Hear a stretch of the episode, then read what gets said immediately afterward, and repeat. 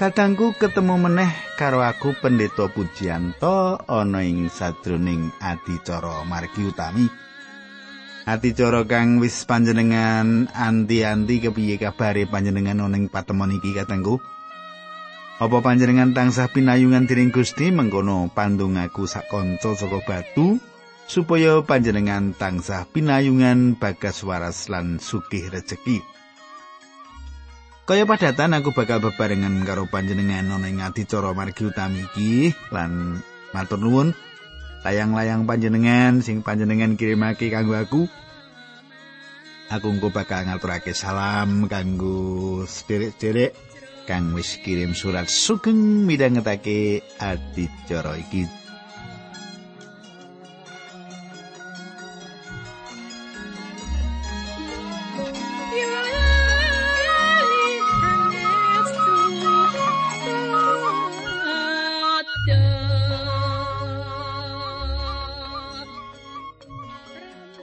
Kadangku apa panjenengan isi kelingan apa sing ndak aturake marang panjenengan ing patemon kita kepungkur kae? Ing patemon kepungkur kae, aku wis ngrampungake. Anggonku crita bab kelahiran Simpson lan nalika semono Gusti berkahi dheweke. Mengkono ya dhisik aku crita karo panjenengan kae. Nah, dina iki bakal nerusake nanging sadurunge ayo kita ndedonga dhisik. Duh Kanjeng Rama ingkang didampar wonten kraton ing kasuwargan kawula ngaturaken gunging panuwun. Menawi wekdal menika kawula saged tetunggilan, kawula saged sesarengan kalian sedherek-sedherek kawula ingkang setya tuhu midhangetaken ati cara menika. Kawula nyuwun tutunanipun Gusti supados menapa ingkang abdi paduka andharaken menika dados kegiatan lan dadosaken panglipuran dhateng kawula sami linambaran asmanipun Gusti Yesus Kristus kawula tunggu haleluya. Amin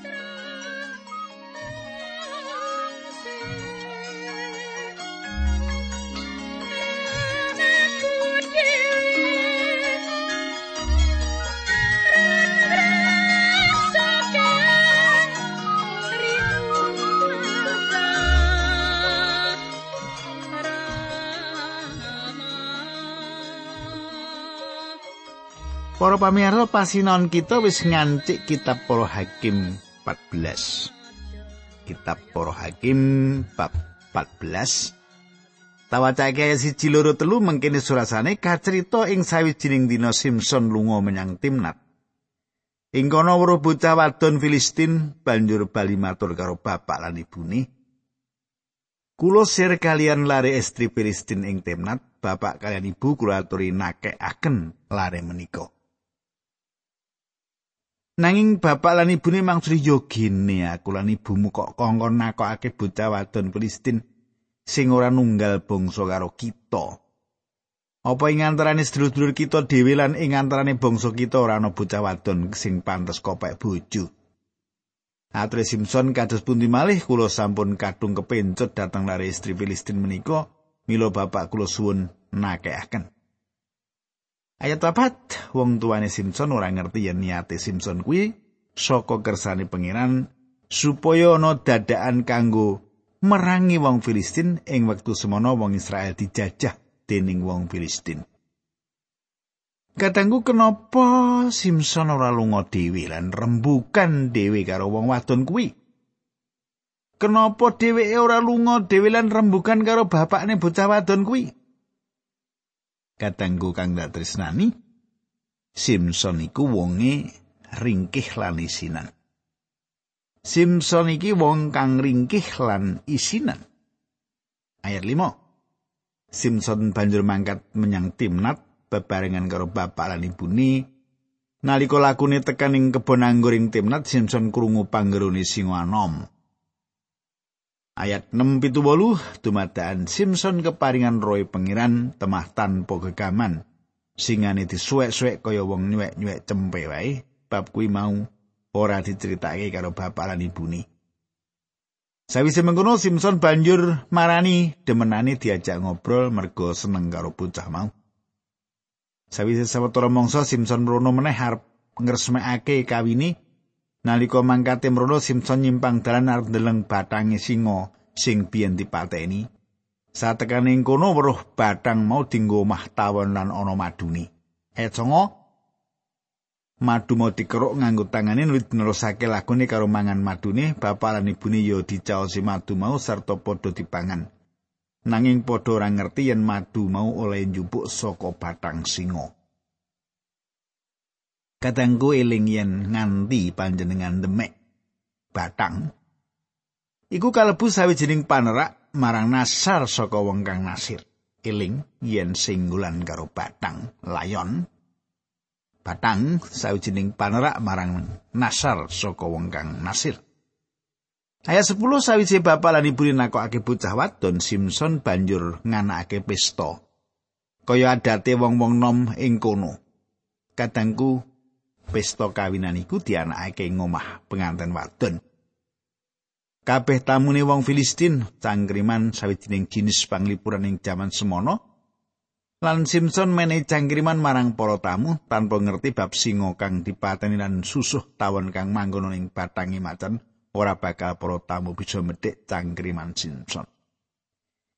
Ayat pitulas lan 18 bab 14 mengkini sulasani Pitung dino lawase bojone Simpson mau terus nangis wae. Sarene ngrengek terus-terusan ing dina kapitune Simpson banjur ngandhakake marang bojone bab bedhekane cangkrimane lan wong wadon mau banjur genten nyritakake marang wong-wong Filistin.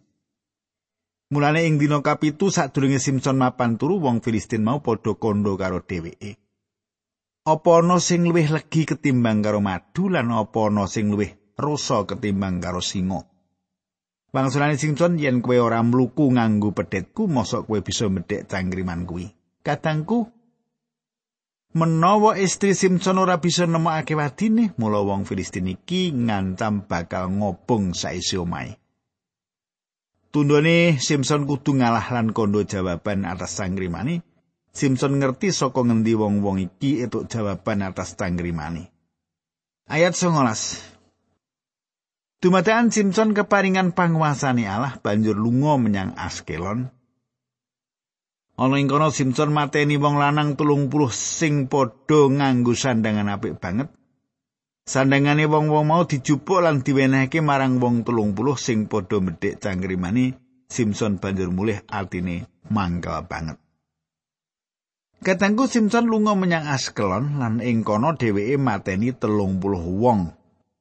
Entuk telung puluh jubah kanggo mbayar wong-wong kang bedhek cangkrimani. Banjur Simpson ninggalake papan iku karo nesu. Saiki ayat 30, bojone Simpson diwenehake dening bapakne marang wong lanang sing dadi pengiringi Simpson nalika kawine. Katanggu saiki kita tekan kitab Para Hakim 15. Ayat siji loro, ora wetara suwi beneri mangsa panen gandum, Simpson tilik bojone karo nggawa cempe kahanane Simpson marang maratuwane, "Kula badhe kepanggih kalian semah kula." Nanging maratuwane ora ngidini. Tembungi, "Ndak senggo kowe wis ora seneng." Mulane banjur ndak wenehake kancamu. Kowe ngepek adine wae, kowe rak luwih ayu. Kadangku mesti wae Simpson ora seneng perkara iki. Ayat telu papat lima mengkini sih. Wangsulane Simpson sepisan iki aku ora keluputan karo wong Filistin. Simpson banjur lunga golek asu ajak oleh 300. Buntute asu ajak mau nuli ditaleni loro-loro ing tengah tali mau diwenehi obor. Obore banjur disumet lan asu-asune digusah menyang sawah-sawahe wong Filistin. Gandum sing ana ing sawah kono padha kobong kabeh mengkono wit-wit anggur sing ana ing kebon. Katangku Simpson cetha rumangsa bener mbales marang wong Filistin. Apa kang ditindakake Simpson cetha ora kaya abdialah ing kene? Wong Filistin su. Lan sawise ngerti masalah mulo wong-wong mau ngobong bojone Simpson lan bapakne, kepiye sak teruse? Ayat pitu wolu. Simpson genten ngancam wong Filistin mengkene, "Oh, mengkono tumindakmu, aku sumpah ora pleren mars penggawemu marang aku." Simpson banjur ngamuk sarta meteni wong Filistin pirang-pirang sawise mengkono Simpson nuli manggon ning guwa ing gunung watu sak cedhake Etam. Panjenengan katakake sawise mateni wong Filistin akeh Simpson bener-bener duwe mungsuh kang terus mbudidaya goleki. Ayat 14. Satekane ing lehi wong-wong Filistin padha metokake karo surak-surak. Dumadaan Simpson keparingan roy pangeran banjur dadi rasa banget dadung sing dinggo bondo tangane dipedhot persasat benang kobong ing keni. Panjenengan semak wong Filistin bunga-bunga ndeleng Simpson digawa menyang wong-wong Filistin kanthi tangan kang ketalinan. Nanging sebanjure Simpson medhot tali kuwi. Ayat 15. Kebenaran Simpson nemu balung uange kuldi sing isi anyar, balung mau dicupuk banjur digawe ngantemi wong Filistin nganti wong sewu sing mati. Katanggu panjenengan gatekake kekuatane. Simpson ora bakal bisa kanthi kekuatane dhewe nindakake perkara kuwi. Ora. kekuatane dhewe ora bisa nindakake perkara kang kaya mengkono kuwi. Sang Roh Allah kang ngendhaleni kanthi mengkono dhewe bisa nindakake prakara kuwi. Saiki kita ngancik mlebu kitab Para Hakim bab 16 ayat 1 mengkene surasane. Ing sawijining dina, Simpson lunga menyang Gaza ana ing kono ketemu karo wanita tunu susila lan turu karo wong mau. Kadangku Simpson wis ditimbali supaya mbebasake Israel kanthi tenagane kang ngedapi-dapi nanging apa kang ditindakake yaiku mufangatake kekuatan kang diparingake Gusti marang dheweke demi kepentingan pribadi. Ayat papat kota Simpson kepencut karo wong saka lebak sore jenenge Delila. Katangku, iku sawijining karingkian ing sadroning uripe Simpson ora ana wong siji wae kang ujug-ujug tiba ing sadroning dosa. Ayat 6 lan 7 bab 16. Delila banjur kondo karo Simpson mengkene Simpson.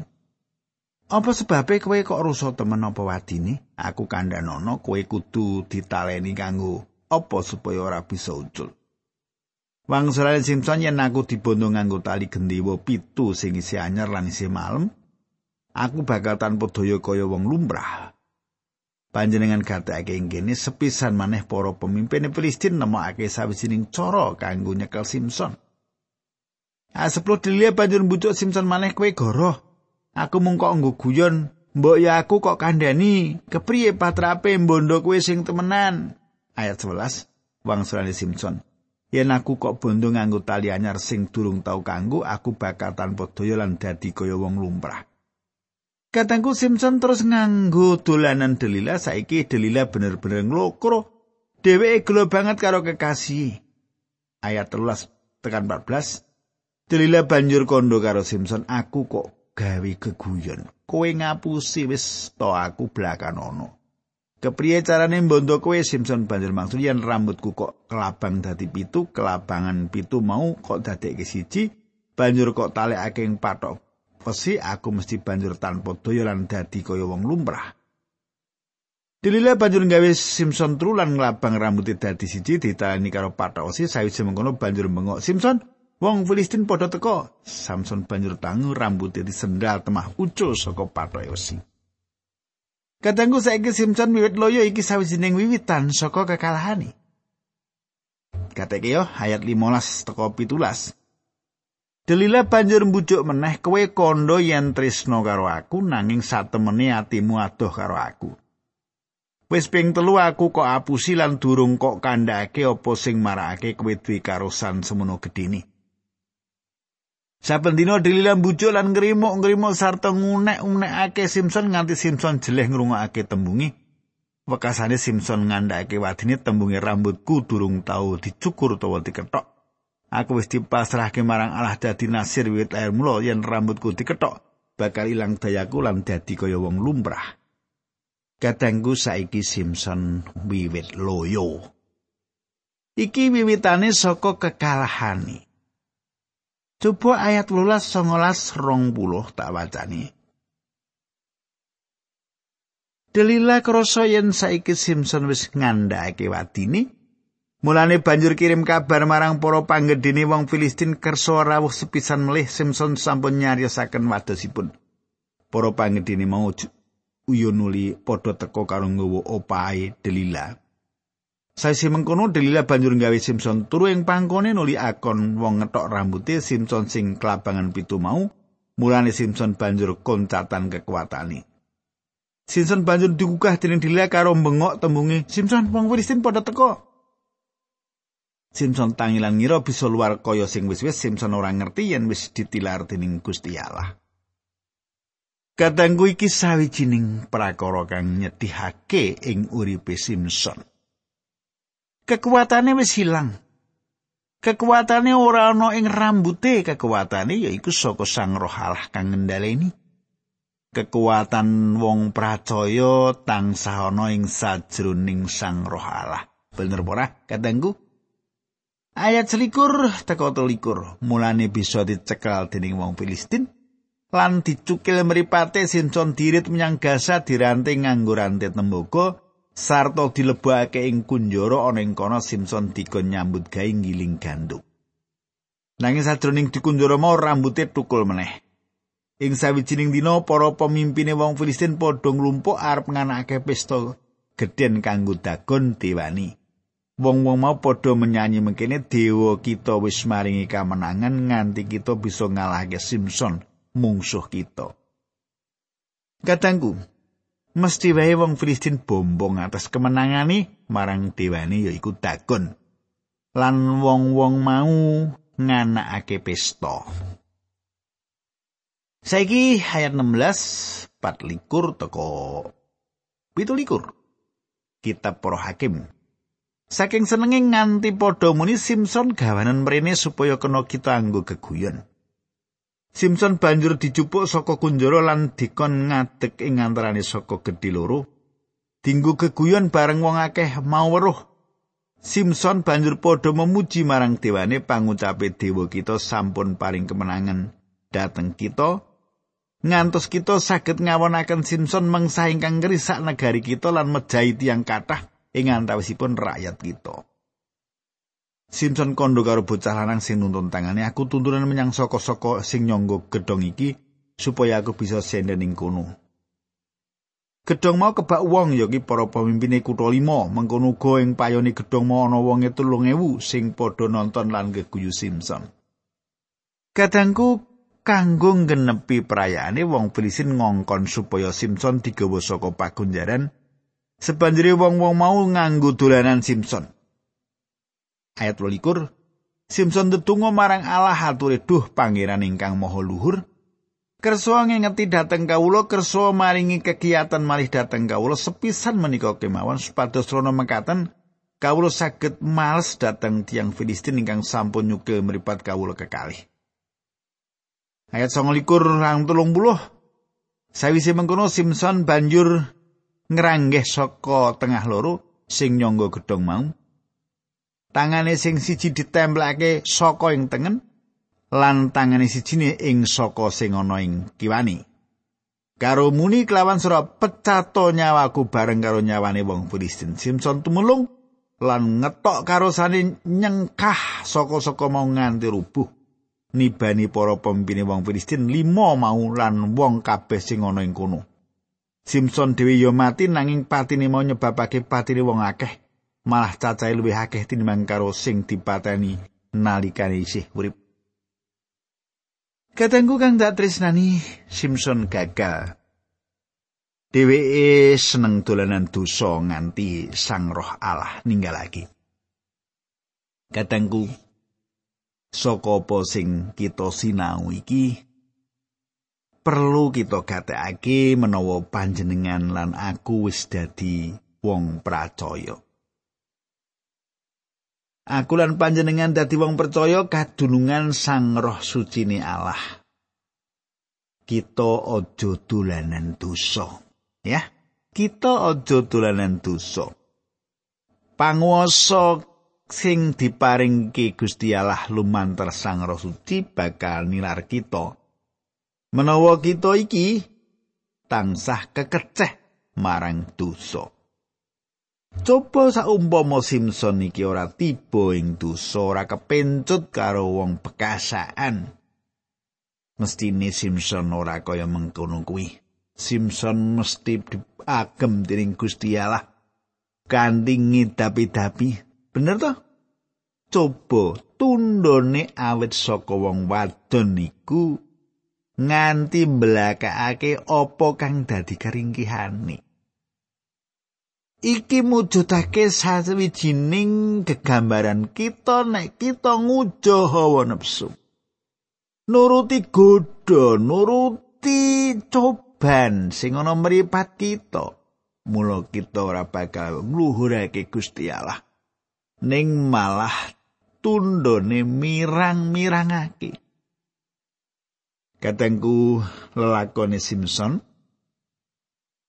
Muga-muga dadi wulangan kula, wulangan aku lan wulangan panjenengan kabeh. Aja nganti kita dadi jejere wong pracaya Gusti Yesus nanging patrap kita. Ora mujudake sawijining patrap kang ngluhurake asmane Gusti Allah. Sing diburu mung babakan-babakan kajasmanen wae. Gereja mung digawe samudana. Sejatine sing digoleki dudu babakan-babakan kasokman ning sing digoleki babakan-babakan kanggo legane pikir. Kanggo marmake atine sing mengujo hardaning hawa nafsu. Katanggu menawa panjenengan saiki uga duwe lelakon kang kaya mangkono mertobat. Mertobat sawangan Gusti Yesus sing wis rila kurban kanggo panjenengan.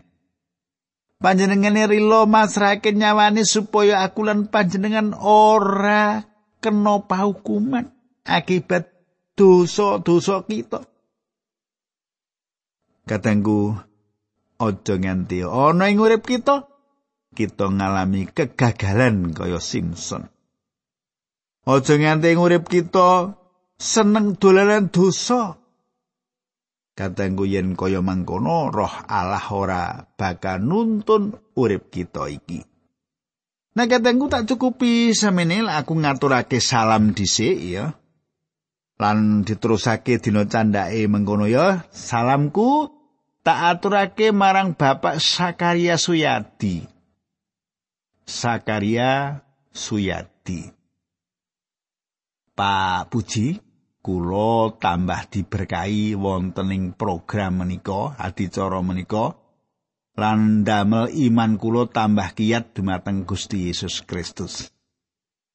Nalika kula mirengaken acara menika ingkang dipun giyaraken kula getun. Getun, Pak, kenging napa nalika semanten kula kok ngantos meh lali karo Gusti. Inggih. Rupanipun adicara menika mencet Pak Sakaria langkung caket kalian Gusti nggih. Pangih. Nah katangku ayo kita tumungkul kita ndedonga dhisik. Duh Kanjeng Rama. Ingkang ada dampar wonten kraton ing kasuwargan kawula ngaturaken gunging panuwun dene wekdal menika kawula sampun ngandharaken pangandikan paduka. Kawula nyuwun supados Gusti berkahi pangandikan menika lan dadosna pangandikan menika landesan kangge sanak katang kawula. Dinambaran asmanipun Gusti Yesus Kristus kawulen tunggu haleluya. Amin